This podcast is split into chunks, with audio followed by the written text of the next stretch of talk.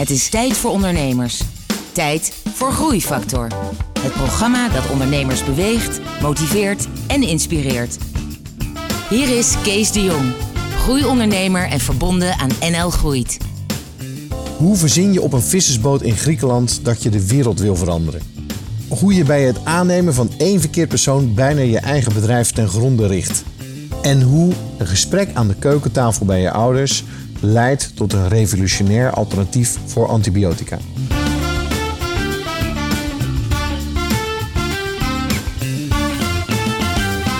Welkom bij een nieuwe aflevering van Groeifactor. Het programma dat ondernemers beweegt, motiveert en inspireert. Met veel muziek en een openhartig gesprek bij mij hier op de bank met een inspirerende ondernemer. In deze uitzending is Floris Kouwmans mijn gast. Floris, welkom. Dankjewel. We gaan het uitgebreid hebben over jouw ondernemerschap. Je bedrijf Orange Pearl, wat je dromen zijn, je ambities, je hoogtepunten, maar we staan ook even stil bij je dieptepunten en wat je hebt gedaan om daaruit te komen. Dat allemaal zo direct, maar eerst muziek van Chaka Khan. Groeifactor beweegt ondernemers.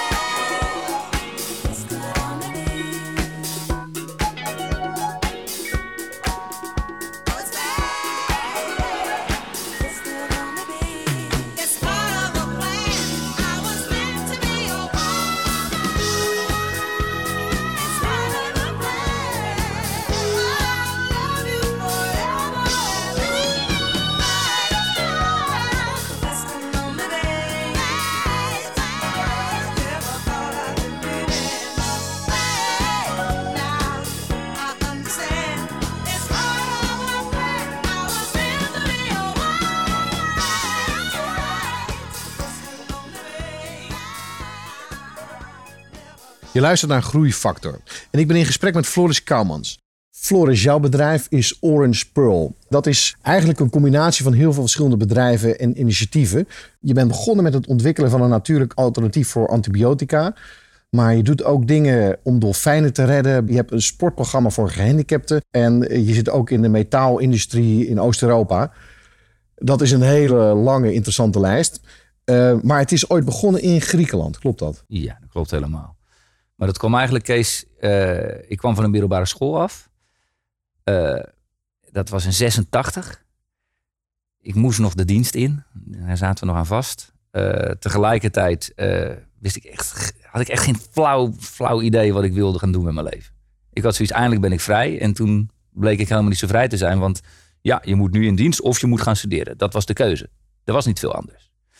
Nou, ten eerste eh, hou ik niet van discriminatie. Dus eh, ik ben helemaal niet tegen dienst. Maar als de meisjes in mijn klas niet in dienst hoeven en ik moet wel, dan gaan bij mij eh, de haren recht overeind. Dan, dat gaat niet gebeuren.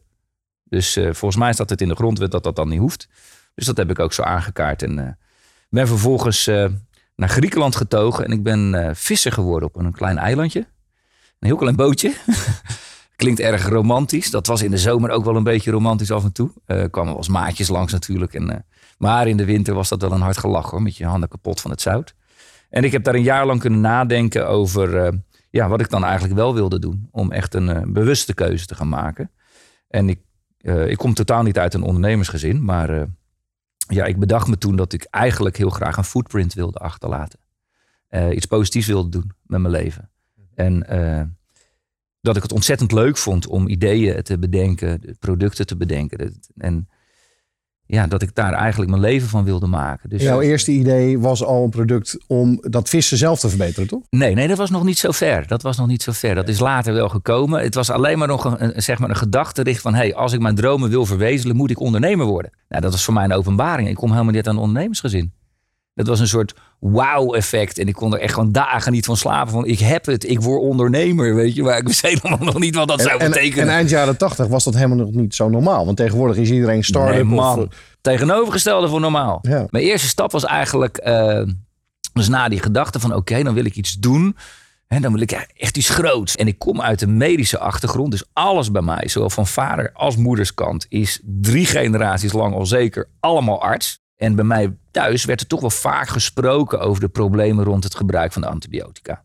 Dus toen dacht ik eigenlijk van stel je nou eens voor... dat je een alternatief kan ontwikkelen voor antibiotica. Een totaal nieuwe route. Dat is voor de mensheid, dat, dit, dat kan de redding van de mensheid zijn.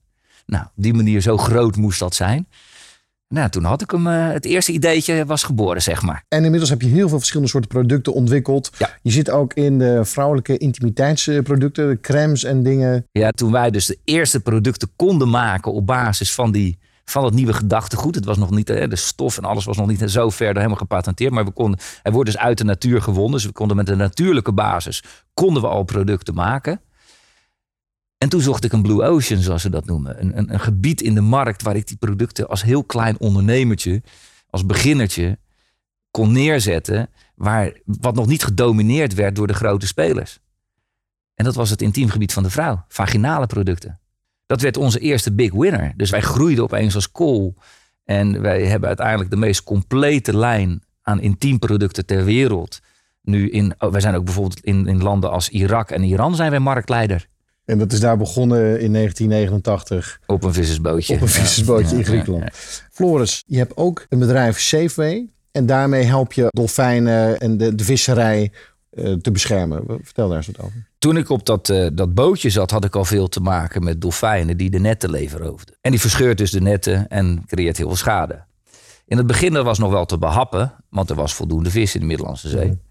Maar een paar jaar later kwam ik daar en ik zag gewoon op een afstand eh, dolfijnen werden afgeslacht. Er werd gewoon een gasfles met een paar dynamietstaven werd er gewoon tussen gegooid. Nou, ik denk dat moet toch op een andere manier kunnen. Mijn droom was toch om impact te maken en de wereld beter te maken. Dus eh, daar ben ik toen aan begonnen. En dat heette SafeWave, het project. En het eerste wat wij brachten was ultrasone zendertjes. Die een ultrasoonveld rond netten creëren. Wat voor dolfijnen echt extreem verstorend werkt. Dus het mes kan dan aan twee kanten snijden. Aan de ene kant geef je de vissers een ecologisch verantwoord, maar voor hun economisch heel aantrekkelijk alternatief. En aan de andere kant zorg je natuurlijk dat ecologisch het gewoon veel beter gaat. En Safewave, dat is nu wereldwijd ook een, eh, een speler. Het is, dat, eh, eh, het is een, een, echt een do-good bedrijfje. Hè? Dus je moet, dat, dat is, je moet daar niet hele grote dingen bij voorstellen. Maar we doen wel bijzondere dingen. Het is klein en bijzonder eerder dan groot. Maar het is wel gewoon een grote kick om te doen, laten we wel wezen.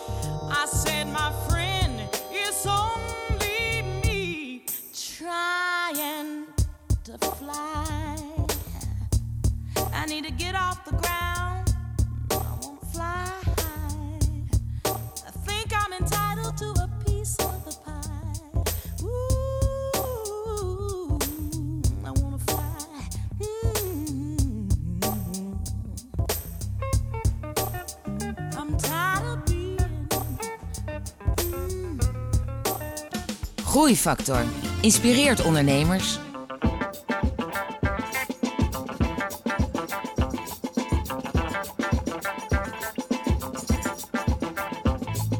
All us people got to uniting.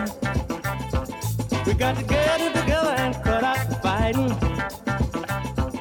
Cause we are all sisters and brothers. We all got to learn to live with each other.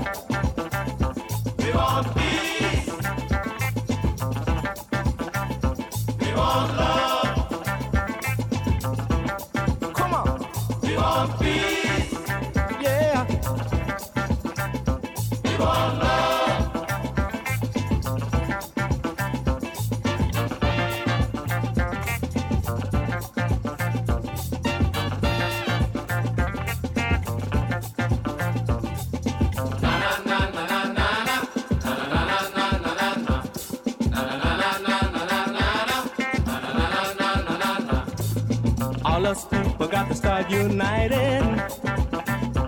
We got to get it together and cut out the fighting. Cause we are all sisters and brothers.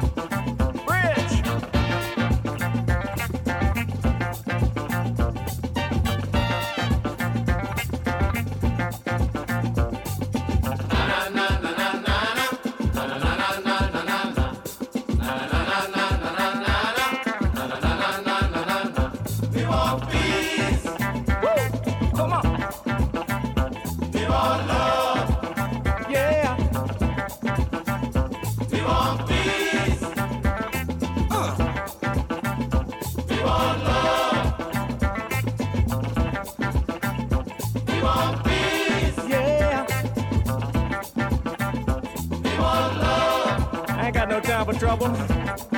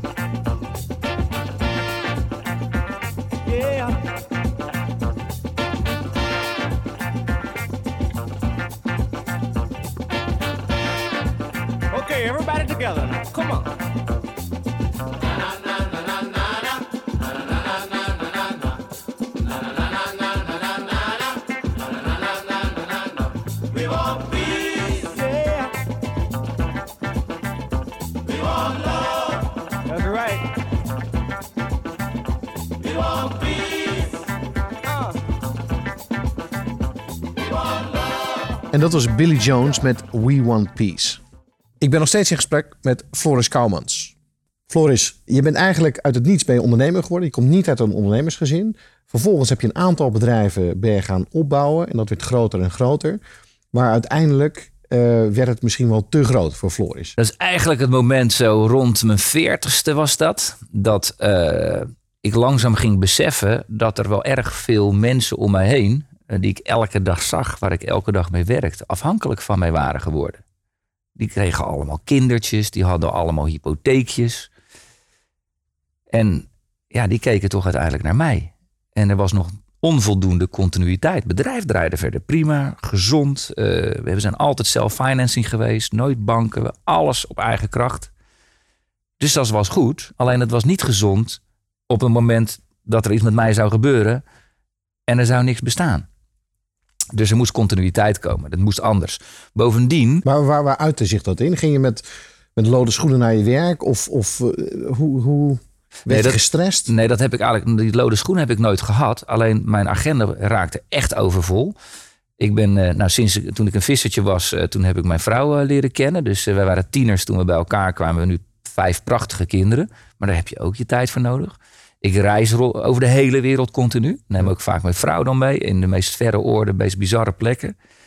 Dat vinden we ook leuk. Ja. Maar dan als je terugkomt en je bent ook nog manager van een tent. Ja. Dan heb je opeens een dubbele agenda. Hè, dus zo werkt dat dan. Kijk, Ja. kijk, eh, dus Niet een dubbele agenda, maar een, een dubbel geboekte agenda. een dubbel geboekt, dubbel volgeboekte agenda, laat het zo zeggen, terecht. En eh, dus je raakt langzaam gevangen. Rang, langzaam gevangen in je eigen succes. Langzaam gevangen door het feit dat je eigenlijk wil je ondernemen en je bent goed in het bedenken van, het, eh, van de concepten, in mensen aansturen om die concepten goed uit te voeren, goed in de markt te plaatsen, et cetera. Maar er komt steeds meer bij. En dan heb je het over de verzekeringetjes, over kantoorzaakjes, over Vrije dagen die moeten worden bijgegaan. vakantiegeld. Dat Ja. hoort er allemaal bij, natuurlijk. Maar het wordt wel een te grote belasting. Kan, kan je het moment nog herinneren dat je dacht van ja, dit kan niet meer zo. Dit, nu moet het anders. Was daar een specifiek moment? Ik denk dat het vooral een periode was. Het was een periode dat ik, dat ik echt klem liep in mijn eigen energie. Ik ben eigenlijk best wel een energieke vent. En ik, ik vind het onwijs lekker om, om full power in mijn vel te zitten. Maar dat ik langzaam voelde ik dat als een, als een, als een energy drain. Ja. En toen had ik opeens het besef van... hé, hey, wacht even, ik zit niet zo goed meer in mijn vel. Waarom is dit? En toen begon ik te begrijpen, wacht even, het is die, die last. Die last die je meedraagt. Wa- Was dat een beetje een burn-out? Of, of is Nee. dat te zwaar? Dat is veel te zwaar. Nee, absoluut geen burn-out. Er zijn wel een paar periodes, die ken je als ondernemer denk ik altijd, waar je even moet pieken. En dat die piek wel hard aankomt. Die piek van energie die op dat moment van je gevraagd wordt, dat, die, dat je die echt voelt. En dat je dan eh, opeens een, een verkoudheid of je griepje krijgt, dat er opeens wel erg lang blijft hangen. Dat soort vervelende dingen. Die ging ik wel merken. Maar lang verhaal kort te maken. eh, uiteindelijk bestaat, ben je als ondernemer te veel manager geworden. Ja. En dat was nou net niet het plan. Dus dan ga je eens rondkijken, rondvragen, om je heen, eh, met mensen overleggen. En er kwam een heel duidelijk, en achteraf gezien vrij standaard antwoord uit. Ja, dan moet je een topmanager aannemen voor je zaak. En dan kan jij weer ondernemer worden.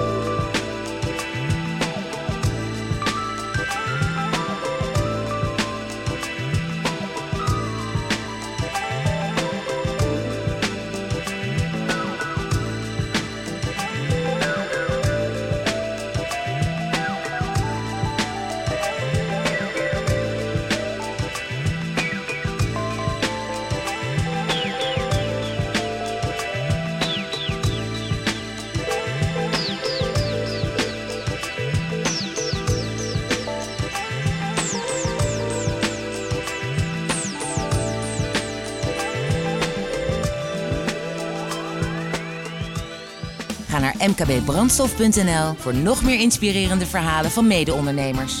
Groeifactor beweegt ondernemers.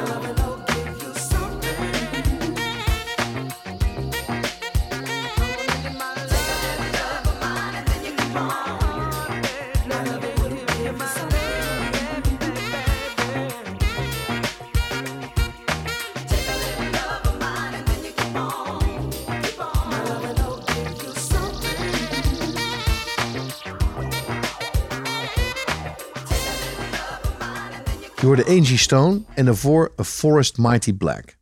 Floris, muziek speelt een grote rol binnen het programma Het Groeifactor. Eh, Ik ben erg benieuwd naar wat muziek voor jou betekent in jouw ondernemerschap. Ik heb een hele brede muzieksmaak. Ik zit niet vast aan een bepaald hoekje daarin. Eh, dat kan je ook zien als je in een auto stapt, wat er voorgeprogrammeerd is. Daar zit van alles en nog wat tussen.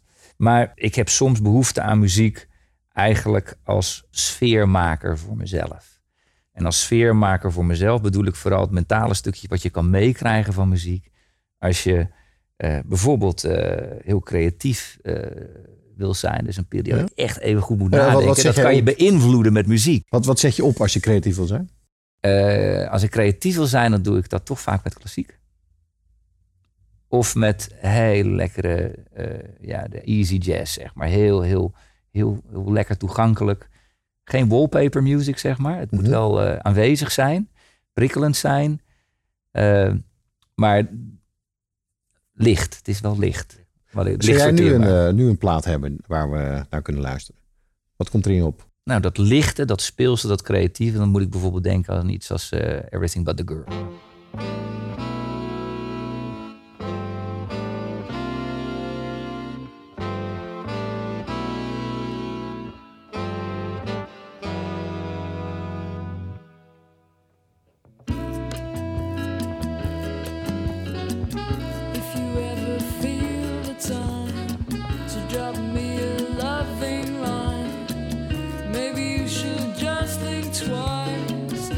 down with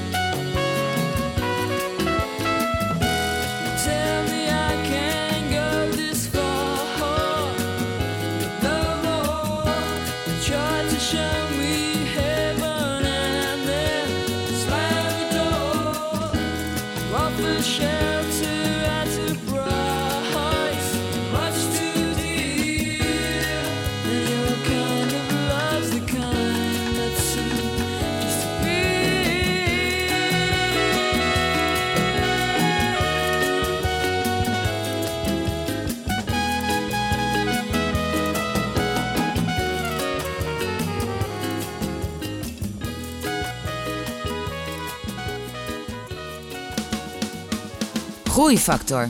Het programma dat ondernemers beweegt, motiveert en inspireert. Groeifactor beweegt ondernemers.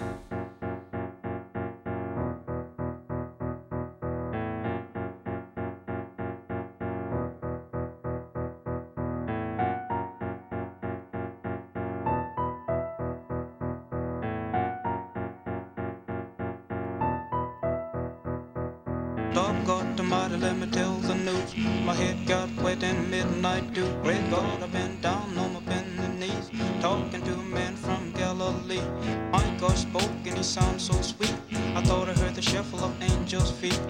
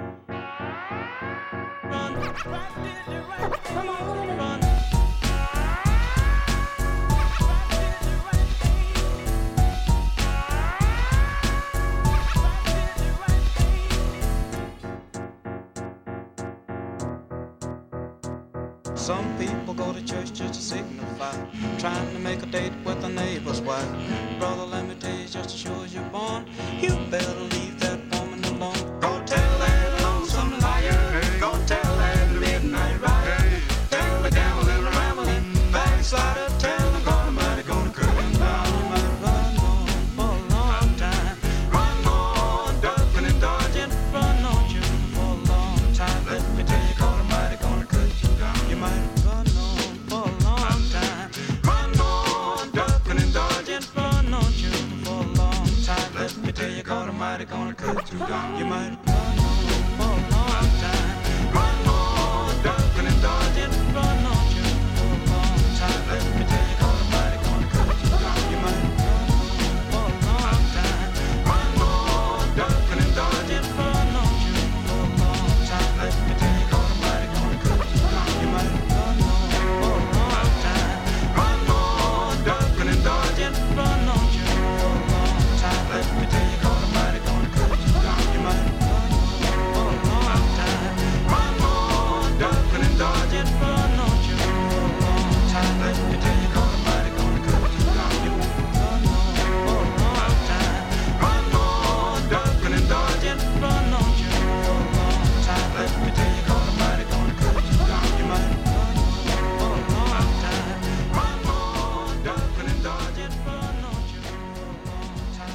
Ik ben in gesprek met Floris Kouwmans. Floris, we spraken net over jouw dieptepunt waarin je erachter kwam dat je vast zat in je bedrijf, dat het bedrijf voelde als gevangenis eh, en je besloot om een manager aan te nemen om die taken voor je over te nemen. Wat gebeurde daar precies? Ja, dit was een hele foute beslissing uiteindelijk. Want ik ging extern kijken, dus buiten het bedrijf kijken. Of ik een, eh, eerst intern met de, de mensen overlegd, maar niemand had eigenlijk zin in die taak.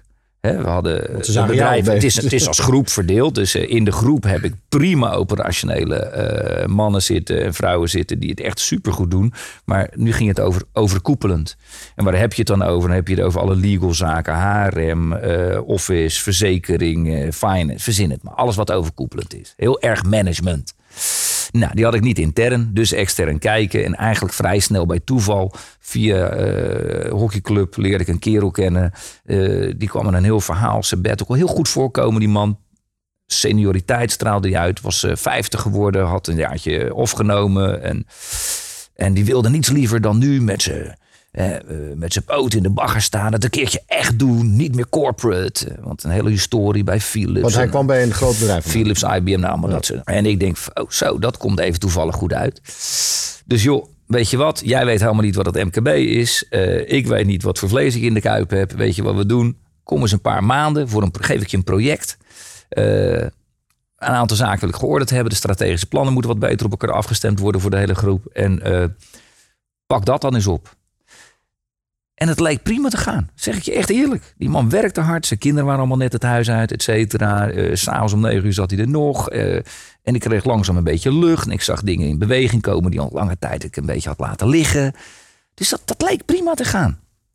En eh, nou, na die vier maanden, die vier maanden hebben we gezegd... nou, laten we nog een stukje eraan vastplakken. Een jaar.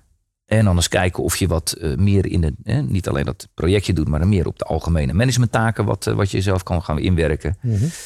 Dat hebben we ook gedaan. Eh, toen heb ik wel een aantal rode vlaggetjes gemist, zeg maar al. In, in retrospect hoor, toen niet. Ik was al lang blij dat er iemand, iemand dat pakte. Ehm, En noem eens een rood vlaggetje. Wat, micromanagement. Dus mensen geen vertrouwen geven. Oké, dat Hè, hij dus te veel allemaal ook dingen zelf Allemaal zelf doet. En, en, Ja. en, en ook als dingen goed gingen, dan kwam het door hem. En als er dingen fout gingen, was het de schuld van iemand anders. Oei. Dus precies het tegenovergestelde van een leider, zeg Ja, maar. Hè? Ja.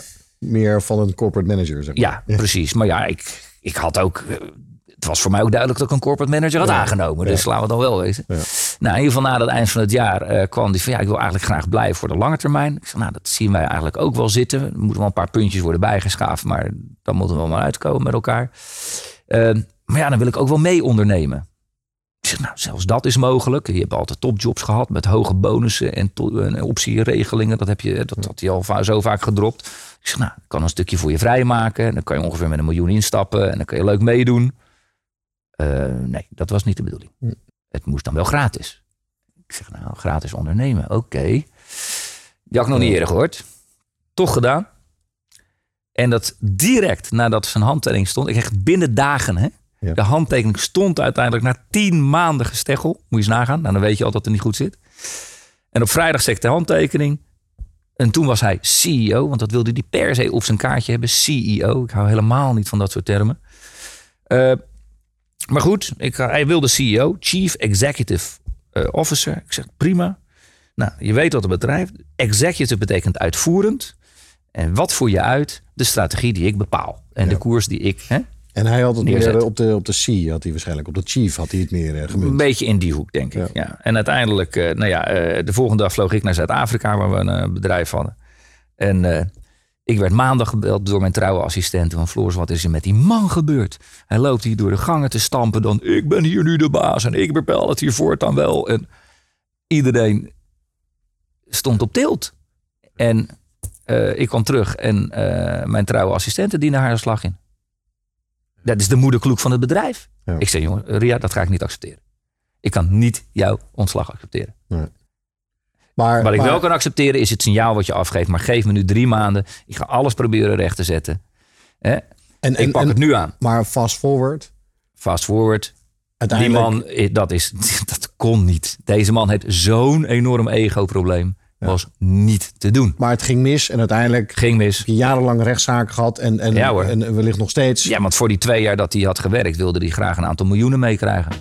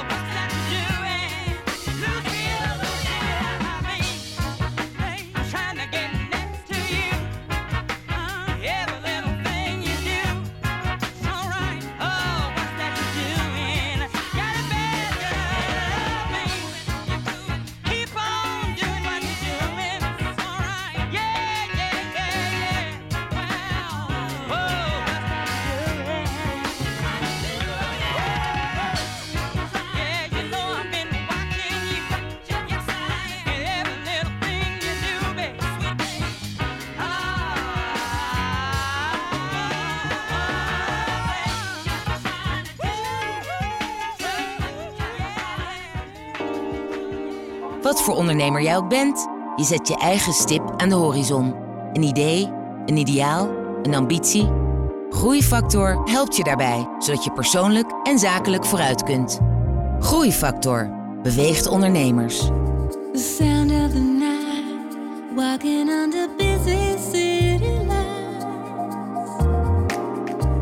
The smell of the street, people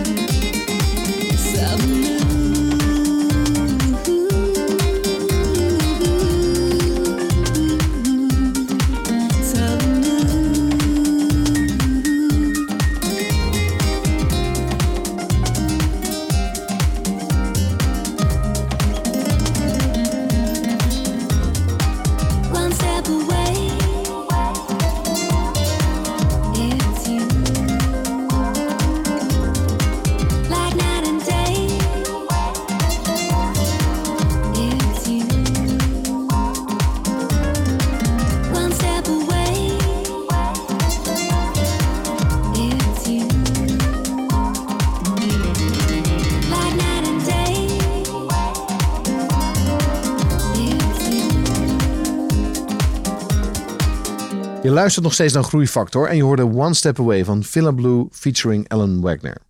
Floris, we hebben net gehoord hoe je bijna je bedrijf verloor aan een corporate manager. Hoe kan het zijn dat je, tegen die tijd was je al een ervaren ondernemer, hè? Je, je was al twintig jaar ondernemer. Hoe kan het zijn dat je dan niet meer die rode vlaggen ziet en niet meer naar je buikgevoel luistert? Want op een gegeven moment weet je toch, Dat is het precies wat je nu zegt. Eh, ook mij is eh, niets menselijks vreemd, kennelijk. Eh, de wens werd groter dan de gedachte. Ja. Dat is het. het De probleem- wens werd groter dan de, dan de gedachte. Ik deelde dat met iedereen. En iedereen om mij heen die die rode vlaggen wel zag, gunde mij zo sterk dat die verandering zou plaatsvinden. Dat ik weer de flamboyante ondernemer kon zijn en Ja. niet meer de, eh, de volgeboekte manager. Ja. Men gunde mij dat ook. En had ook altijd vertrouwen in mijn judgment. Maar op dat moment was mijn judgment niet goed. En had ik juist een paar mensen nodig die me een paar klappen om mijn oren gaven. Ja. En die waren er niet. Wat, wat, wat zou jij andere ondernemers in zo'n situatie, wat zou je ze voor advies mee willen geven? Nummertje 1. Neem de tijd. Neem de tijd. ik heb. Ik ben ook zo een beetje. Dat zie je bij veel ondernemers. Neem je een beslissing, boem, dan moet het allemaal gebeuren. Ja. Neem de tijd. Want je hebt uiteindelijk maar met één persoon gesproken. Je hebt niet vijf of tien gesproken. Juist, Ja. juist. Neem de tijd. Ben, wees bewust van wat je doet en de stappen die je neemt, hoeveel impact die kunnen hebben. Die heeft veel, uiteindelijk veel meer impact op zo'n bedrijf. De top, iets fouts in de top doen. Je had je bedrijf misschien wel kunnen door. verliezen. Ja, en zeker om, achteraf bleek pas, toen ik hem er eenmaal uit had, toen bleek pas dat hij achter mijn rug een paar afschuwelijke dingen had gedaan. En daar kom je niet tegen. Die, die weet je dan op dat moment niet. We gaan even terug naar de tips. Ja. Tip nummer twee. Oké, tipje nummer 1 was neem de tijd. Tip nummertje 2. Ik denk dat het beter is een kroonprins op te leiden of kroonprinses op te leiden in het bedrijf. Dus een stuk te laten ingroeien een tijd lang. Dan dat je extern zo boem even iemand neerzet die de cultuur nog niet kent, nog niet begrijpt hoe de hazen lopen. Eh, de persoonlijkheid van het bedrijf, de identiteit, dat moet in zijn bloed zitten. Ja. In de top van het bedrijf is cultuur Ja. nog vele malen belangrijker dan in zeg maar, de lagere regionen. De cultuur is, is, is het DNA, daar gaat het om. Een ander punt wat ik uiteindelijk heb gedaan, is afgezien dat we inderdaad intern wel eh, een, nu echt ook een kroonprins hebben, dat wordt ook zo uitgesproken. Eh, ik heb ook naar andere oplossingen ben ik gaan zoeken, want het was wel duidelijk dat toen, ik, eh, toen hij eenmaal weg was, dat die vlakken waar het mij om ging, legal, finance, HRM, hè, die, die, die, die zoveel tijd opslurpen, toch ingevuld moesten worden. En die oplossing was uiteindelijk dat ik heb gezegd: oké, wat zijn nou de belangrijkste stukken waar het mij om gaat? Eén daarvan was finance, één daarvan was legal, eentje daarvan is HRM, hè, dus alles personeel en organisatie. Van HRM een beetje een klote woord, personeel en organisatie. Eh, dat waren echt drie vlakken die veel aandacht behoeven en die van echt strategisch belang zijn voor de, voor de organisatie, om die goed in te vullen. Ja. En toen heb ik gekeken van, weet je wat, ik ga het anders doen. Er zijn topvrouwen op de markt die een gezin hebben. Deze vrouwen hebben al een stuk ervaring, die hebben al een stuk van hun carrière doorlopen. Hebben gevend een gezin, hebben dus ook bijzondere verantwoordelijkheden en dergelijke. En doordat ze een gezin hebben, kunnen ze vaak niet meer een baan vinden op dat topniveau. Nou, ik heb niet voor vijf dagen per week een legal nodig. Ik heb niet vijf dagen per week hè, een, eh, een CFO nodig. Dat heb ik niet vijf dagen per week. Maar eh, drie dagen wel. Ja. Hoe gaaf is het dan dat ik vrouwen kan selecteren die uitmuntend goed zijn in hun werk en die dat vlak pakken. Dus ik heb nu één dame die de finance allemaal regelt, de hele afdeling administratie alles regelt. Ik heb één dame die is legal counsel, alle contractuele zaken, zij stuurt alle, alle processen daarin aan. En één dame op personeel en organisatie. En die hebben alles, zijn allemaal dames met gezinnen, allemaal dames die supergoed zijn in hun werk. Ja. En op En- die en manier geen- hebben we het verdeeld. En geen van de dames hoeft jouw baan. Niemand eh, Nee. doet er gewoon naar. eh, Bovendien, zij zijn elk een specialist. ja.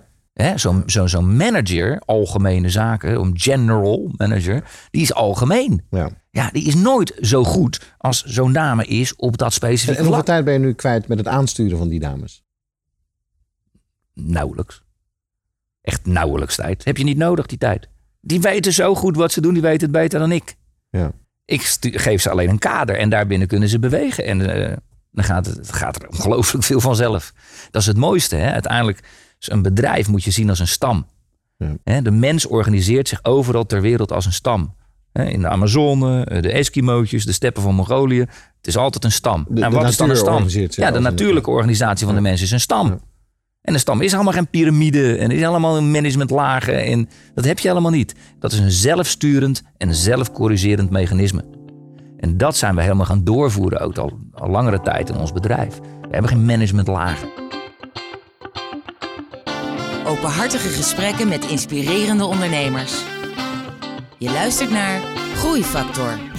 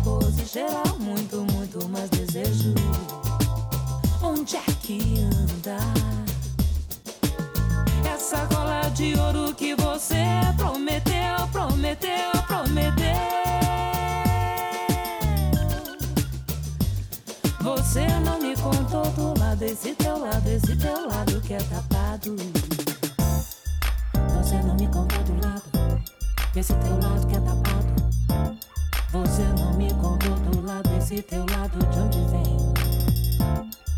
Você não me contou do lado, esse teu lado que é tapado. Você não me contou do lado, esse teu lado de onde vem.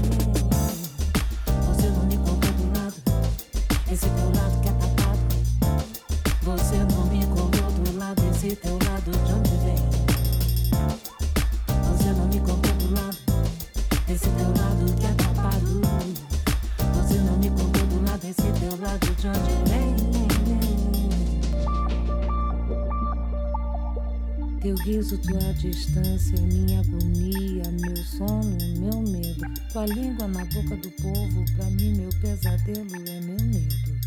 Esperar até tudo acabar, aguentar quando desmoronar. Sou uma nega muito enjoada, já tô indo agora é pra mangueira.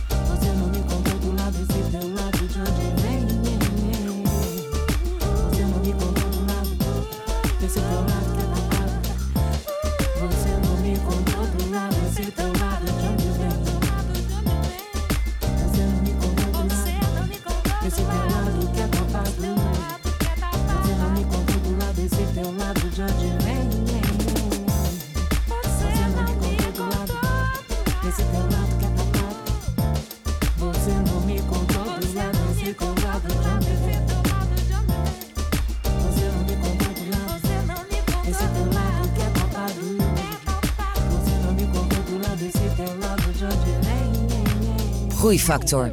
Het inspiratieplatform dat ondernemers beweegt, motiveert en inspireert. Groeifactor. Inspiratie voor ondernemers.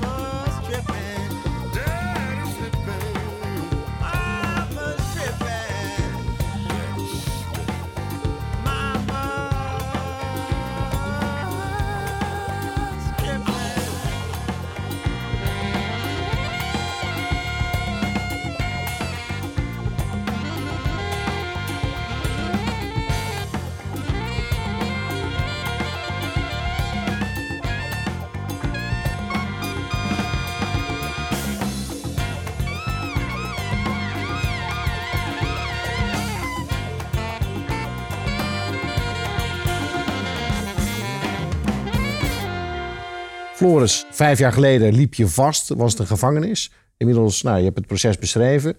Hoe, hoe werk je nu als, als leider, als ondernemer van zo'n eh, concern? ik begin steeds vrijer te worden. Vrijer in, eh, in, in mijn, mijn bewegingsvrijheid in het bedrijf. Er gebeurt steeds meer. We zijn echt extreem succesvol, kan niet anders zeggen. Ben ik ook heel erg trots op. Maar succesvol ook in energie van zo'n bedrijf. Niet alleen op finance, ook prima. Maar ook de energie, de uitstraling. eh, Komt die, komt, dat, komt die energie door het succes? Of komt dat succes door die energie? het succes komt door de energie. En hoe heb jij dan die energie gecreëerd? Is dat door inderdaad los, los te laten? Of is het juist doordat bepaalde noodzakelijke processen aan de achterkant heel strak geregeld zijn, zodat dat geen issue meer is en dat de rest daaruit kan ontstaan? Nog een stuk verder. Ja. Nog een stuk verder dan dat. Namelijk, daar begint het mee. De twee essentiële factoren voor positieve energie zijn zingeving en verbinding. Dus aan de ene kant zingeving. Hetgene wat wij doen is zinvol. Hè, wij maken de bewust de wereld beter. Daar zijn we heel bewust mee. Met alles wat we doen.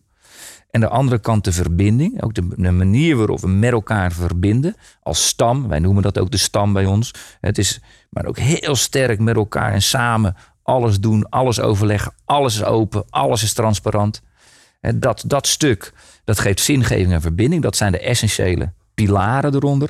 Daarbovenop creëer je vervolgens een structuur van hele professionele mensen. Rockefeller habits tot in de puntjes doorvoeren.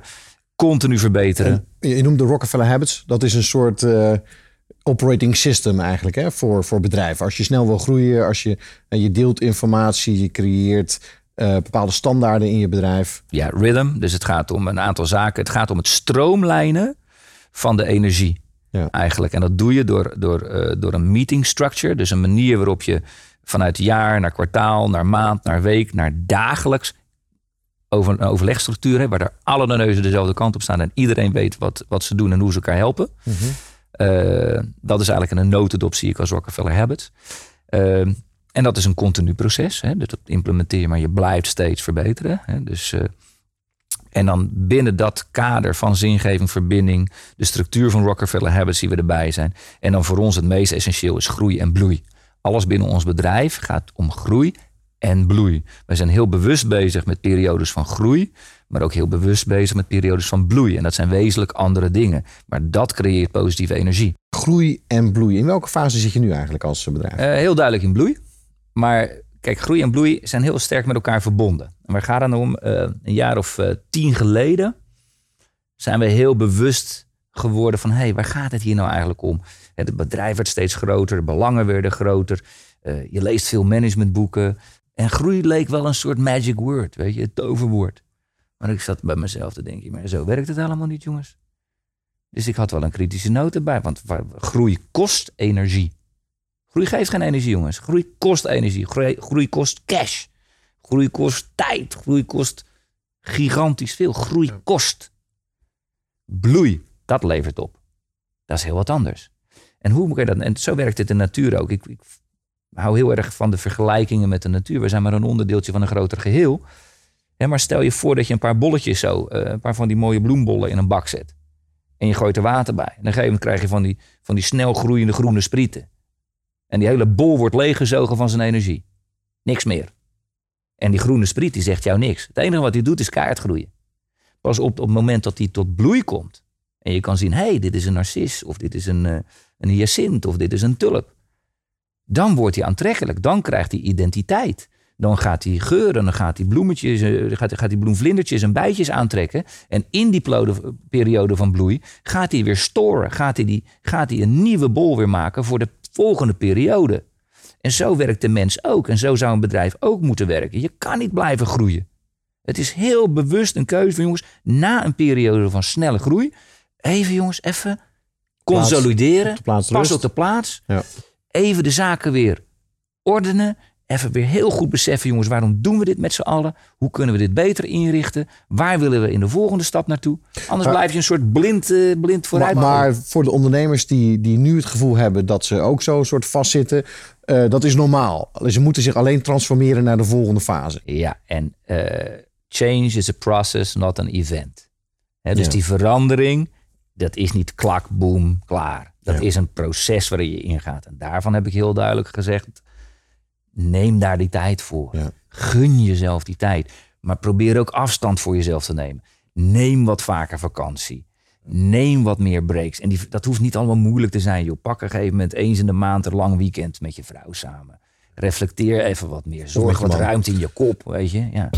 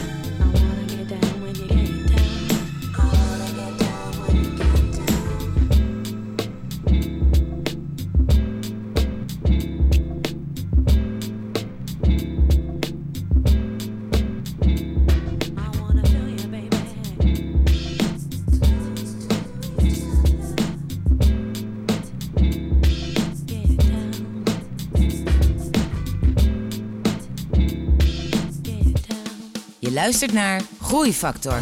Openhartige gesprekken met inspirerende ondernemers. Groeifactor beweegt ondernemers.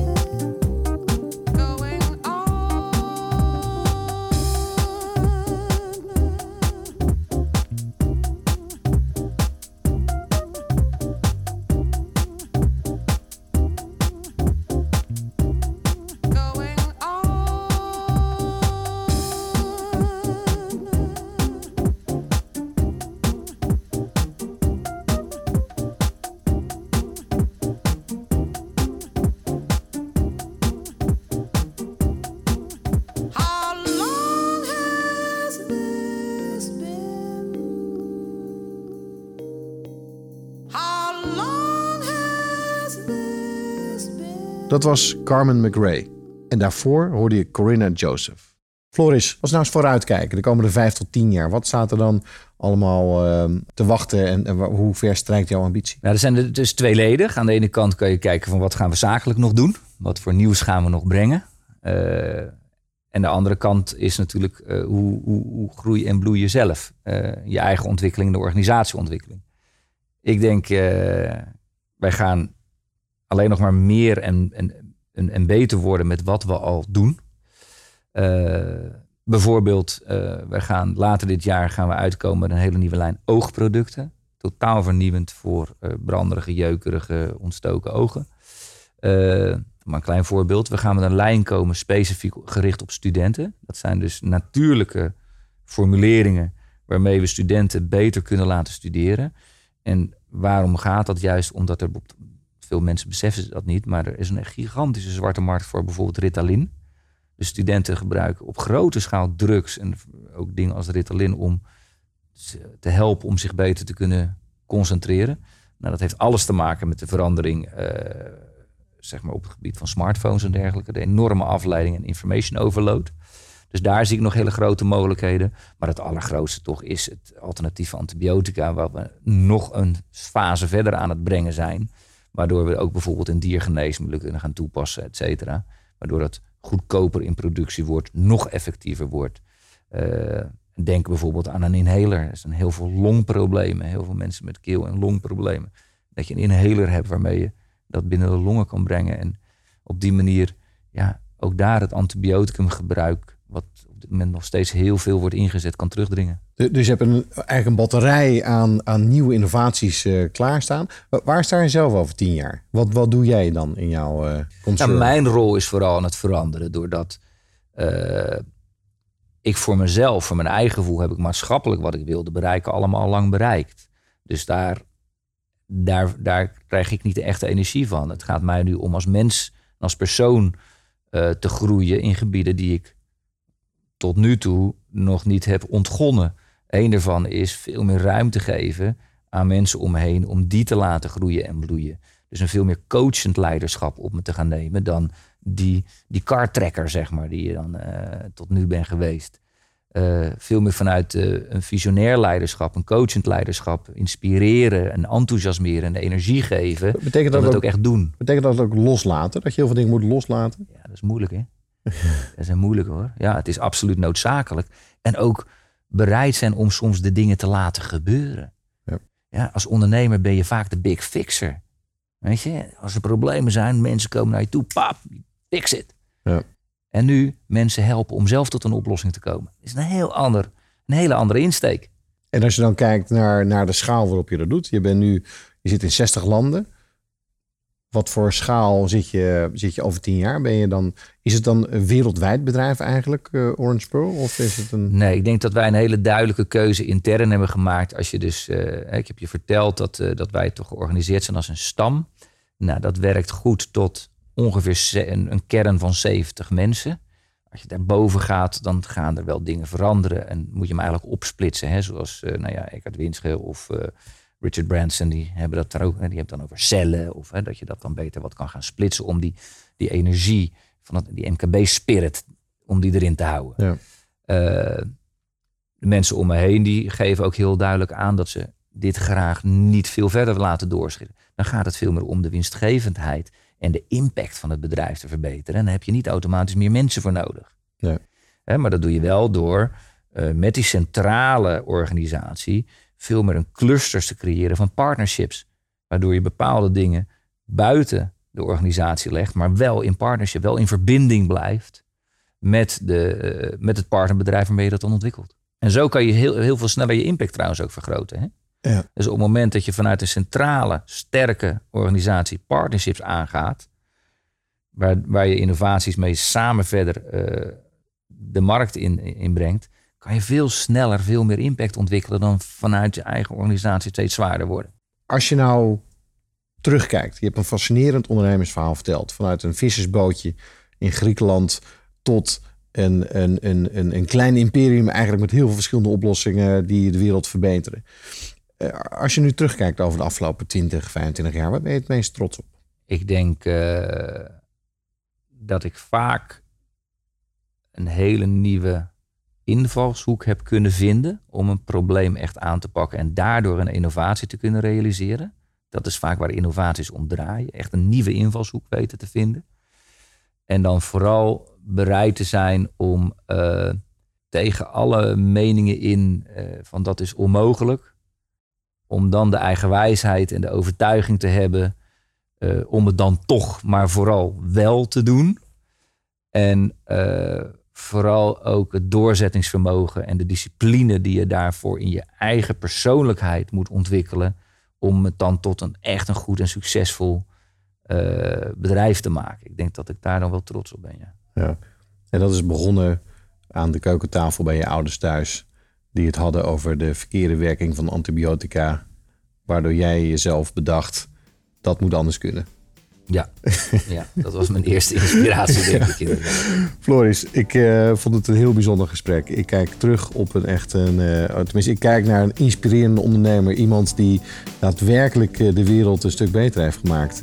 met al jouw ideeën en jouw bedrijven en jouw producten. Dank je wel. Veel succes met de rest van je bedrijf en je toekomst. Dankjewel. Allemaal bedankt voor het luisteren naar Groeifactor. Een fijne dag verder en graag tot een volgende aflevering van Groeifactor. Ga naar mkbbrandstof.nl voor nog meer inspirerende verhalen van mede-ondernemers. Groeifactor beweegt ondernemers.